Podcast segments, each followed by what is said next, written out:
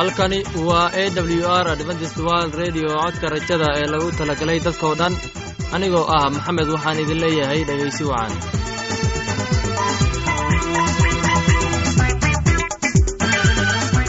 Maanta waxaynu si qaas ah kugu soo dhoweynaynaa barnaamijkan barnaamijkan wuxuu ka kooban yahay laba qaybood. Qaybta koowaad waxaad ku maqli doontaan barnaamijka caafimaadka. Uu inoo soo jeedinaya maxamed. Kadib waxaa inoo raacaya cashar inaga imanaya bugga nolosha. Uu inoo soo jeedinaya cabdi. Labadaasi barnaamij ee xiisaha leh waxaa inoo dheer. Heeso daabacsan oo aynu idiin soo xulnay kuwaasoo aynu filayno in aad ka heli doontaan. Dhegaystayaasheena khadradda iyo sharafta lahow waxaynu kaa codsanaynaa inaad barnaamijkeenna si haboon a u dhegaysataan. Haddii aad wax su'aalaha qabtid ama aad haysid wax fikrad ah fadlan inala soo xiriir. Dib ayaynu kaaga sheegi doonaa ciwaankeenna bal intaynan u guudagelin barnaamijyadeena xiisaha leh waxaad marka hore ku soo dhowaataan heestan daabacsan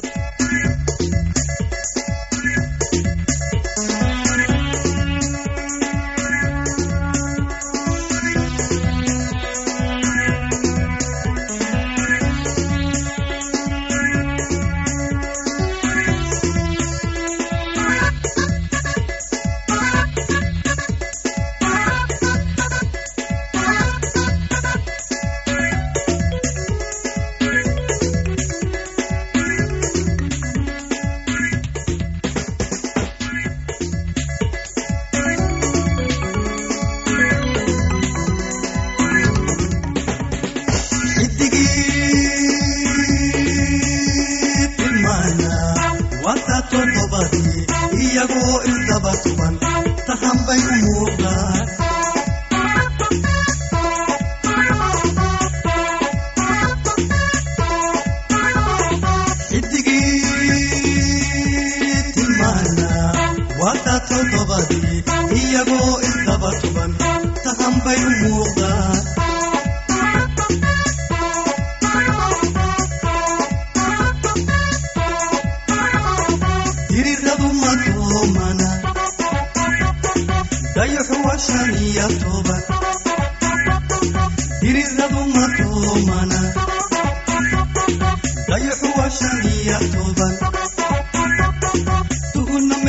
ma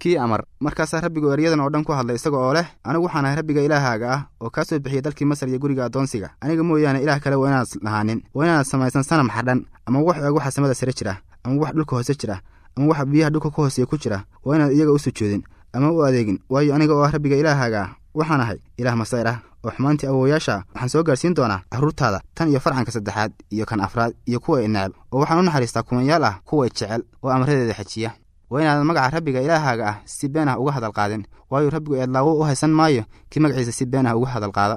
Xasuusta maalinta sabtida inaad quduus ka dhigto lix maalmood waa inaad hawshootaa waad shuqulkaaga oo dhan qabsataa laakiin maalinta toddobaad waa maalin sabti ah u ah rabbiga ilaahaaga ah oo inaanad shuqul qaban adiga ama wiilkaaga ama gabadhaada ama addoontaada ama addoonkaaga ama xoolahaaga ama qariibka ridahaaga ku jira waayo rabbigu lix maalmood buu ku sameeyey samada iyo dhulka iyo badda iyo wax dhexdooda ku jira oo dhan kolkaasuu nastay maalintii toddobaad. Sidaas daraaddeed ayaa rabbigu u barakeeyey maalinta sabtida ah oo quduus uga dhigay aabbaha iyo hooyada maamuus oo cimrigaagu ha ku dheeraado dhulka rabbiga ilaahaaga ah ku siiyo. Waa inaanad qurgoyn waa inaad sinaysan waa inaad waxba xadin waa inaanad deriskaaga marag been ah ku furin waa inaad damcin guriga deriskaaga waa inaad damcin naagta deriskaaga ama addoonkiisa ama addoontiisa ama dibigiisa ama dameerkiisa ama waxa deriskaagu leeyahay oo dhan oo dadkii oo dhammina way wada arkeen onkadkii iyo hilaacii iyo codkii buunka iyo buurtii qiiqaysay oo markaasa dadkii arkay ayay gariireen oo meel fog istaageen. Kolkaasa waxaa muuse ku yidhaahdeen adigu nala hadal oo annana waannu ku maqli doonnaa laakiinse ilaah yuusan nala hadlin waaba intaasoo aanu dhimannaaye markaasaa muuse wuxuu ku yidhi dadkii ha cabsanina waayo ilaah ha cabsanina waayo ilaah wuxuu u yimi inuu idin tijaabiyo iyo in ka cabsashadiisu idinku jirto si aydan u dembaabin markaas dadkii waxay istaageen meel fog. Muusena wuxuu u soo dhowaaday gudcurkii qarada weyna oo ilaah joogay. Sanamyada oo la mamnuucay. Markaase rabbigu wuxuu muuse ku yidhi waxaad reer binu israa'iil ku tidhaahdaa idinka qudhiinnu waad aragteen inaan samada idinkala hadlay. Haddaba waa inaydan yeelan ilaahyo kale aniga mooyaane oo ilaahyo lacag ah iyo ilaahyo dahab ah waa inaydan samaysan. Meeshii allabariga meel allabari ah waa inaad ciid iiga samaysaa oo waa inaad dusheeda iigu bixisaa qurbaannada la gubo iyo qurbaannada nabadinada ah iyo idahaaga iyo dibyadaada. Oo meel kasta oo aan magacayga dadka ku xusuustaan waan kugu iman doonaa oo waan kugu barakayn doonaa. Oo haddaad meel allabari ah dhagax iiga samayso waa inaad dhagaxa qoran dhagax qoran ka dhisin. Waayo haddaad alaabtaada taabsiisid waad nijaasiisay ama waa inaad meeshayda allabariga ah salaan ku fuulin si sallaan ku fuulin si aan cawradaadu uga muuqan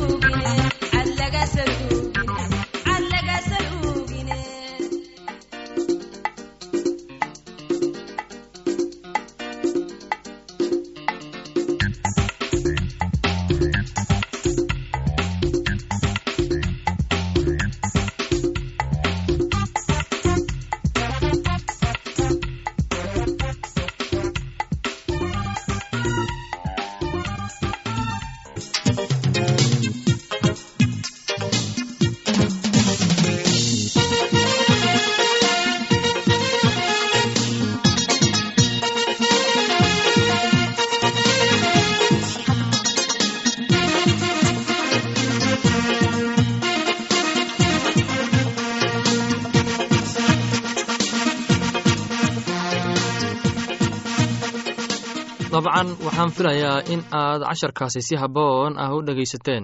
Haddaba haddii aad wax su'aalaho aad haysid ama wax fikrada leedahay fadlan waxaad inagala soo xiriiri kartaa ciwaankeenna. Codka rajada sanduuqa boostada afar laba laba lix todoba nairobi kenya. Mar labaad ciwaankeenna waa codka rajada sanduuqa boostada afar laba laba lix todoba nairobi kenya. Waxaa kaloo inagala soo xiriiri kartaa emeilka somali e w r at yahu dt com mar labaad imeilka waa somali e w r at yahu com. Haddana waxaad ku soo dhowaataan heestan daabacsan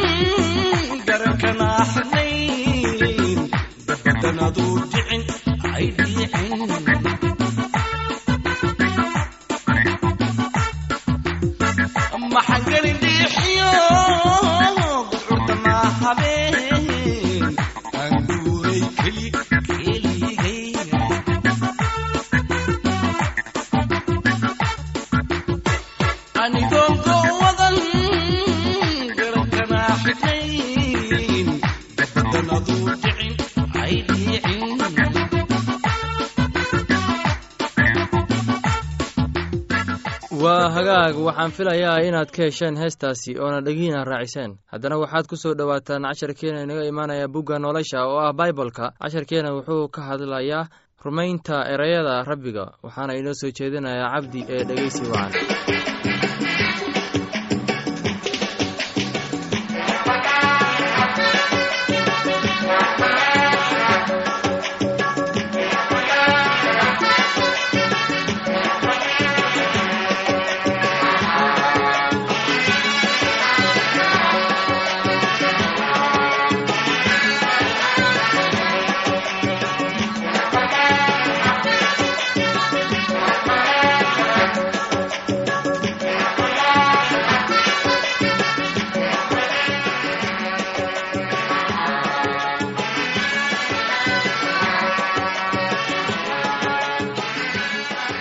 dhegaystayaal waxaan maanta idiin soo gudbin doonaa cashir ku saabsan kitaabka quduuska ama baybalka waxaynu ka hadli doonnaa waa inaynu addeecno ereyga eebbe dhegaystayaal bal iminka aynu qisadii muuse ku noqonno. Kadib markii uu helay labadii loox ee maragga ayuu buurtii kala soo degay. Intaannu soo gaarin xeradii ay degganaayeen dadku ayuu maqlay yabaakh iyo hays. Wuxuu isweyddiiyey maxay dadku samaynayaan? Way ku adkayd inuu rumaysto wixii ay samaynayeen. Waxay samaysteen sanabyo wuxuuna ahaa qalin lo' ah oo ay dahab ka sameeyeen. Iyagoo u ciyaaraya bay waxay sanabkaasi u caabudayeen sida ilaah oo kale. Muuse aad buu u niyad jabay oo u carooday wuxuuna tuuray looxyadii dhagxaanta ahayd ee uu gacanta ku sitay oo way jabeen haddaba halkaasi miyay ku dhammaatay muujintii ilaah ee la qoray? Yaanay noqon. Muuse wuxuu ahaa hoggaamiye dhab ah wuxuuna maamul iyo kala dambayn ku soo celiyey xeradii dabadeedna eebbe buu u baryey. Isagoo weyddiisanaya cafiska dadka ilaah waxa uu siiyey dadka markaas masiibo u keenay laakiin isaga aad buu u naxariis badnaa wuxuuna ka jawaabay baryadii muuse oo wuxuu si waday qorshihiisii uu doonista dadka ugu muujinayey iyadoo qoran. Ilaah baa muuse ku yidhi sida ku qoran buugga baxniininta waxaad soo qortaa laba loox oo dhagax ah oo kuwii hore u eg oo waxaan looxyadan ku qori doonaa ereyadii ku qornaa looxyadii hore oo aad jebisay eebbe sidan buu ku muujiyey inaan ereygii ereygiisa marnaba la baabi'inin ama la beddelin mar labaad ayuu looxyadii dhagxaanta ahaa wax kula qoray gacantiisii. Xitaa ilaah waxa uu muuse u sheegay inuu xagga hadalka ka taageeri doono. Taasi waxa weeye in uu ka dhowri doono in qaladaad uu sameeyo. Waxaa markaasi xaqiiqo inoo noqonaysa in ereyga eebbe aanun ahayn wax qalad ah. Muuse wuxu uu marar badan sheegay in hadallada qoran ee ilaahay ay yihiin wax qaali ah oo dadkiisu haystaan. Qorninka ilaah buu ka yimid oo ilaah baana dhowraya weligiis.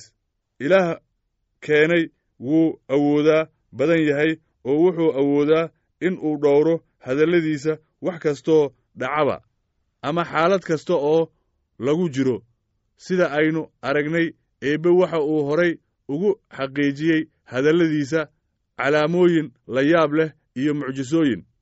Waxa uu yidhi hadalladayda waa amaradayda ay leeyihiin farac kasta. Dhegaystayaal casharkeenna maanta waa naga intaas waxaan idan leennahay sidaas iyo nabadgelyo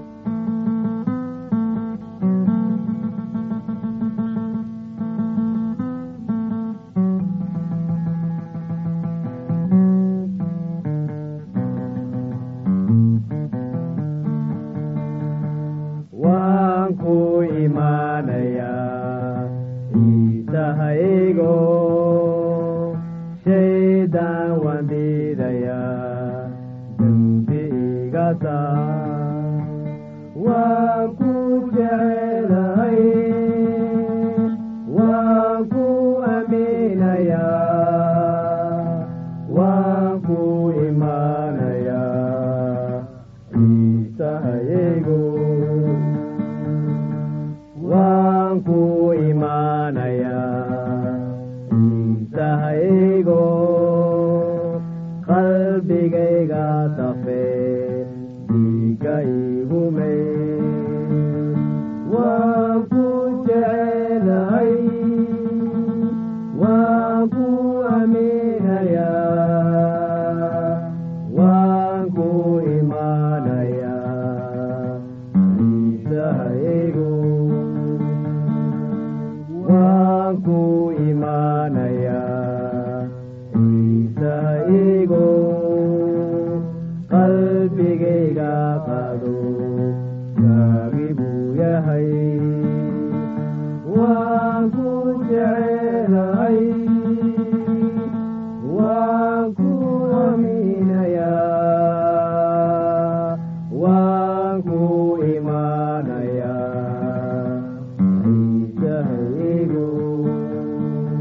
dabcan aqoon la'aan waa iftiin la'aan. Allow aqoon la'aan hana dilin oo hana nuga tegin casharkaas inaga yimid bugga nolosha ayaynu ku soo gebgabayneynaa barnaamijyadeena maanta.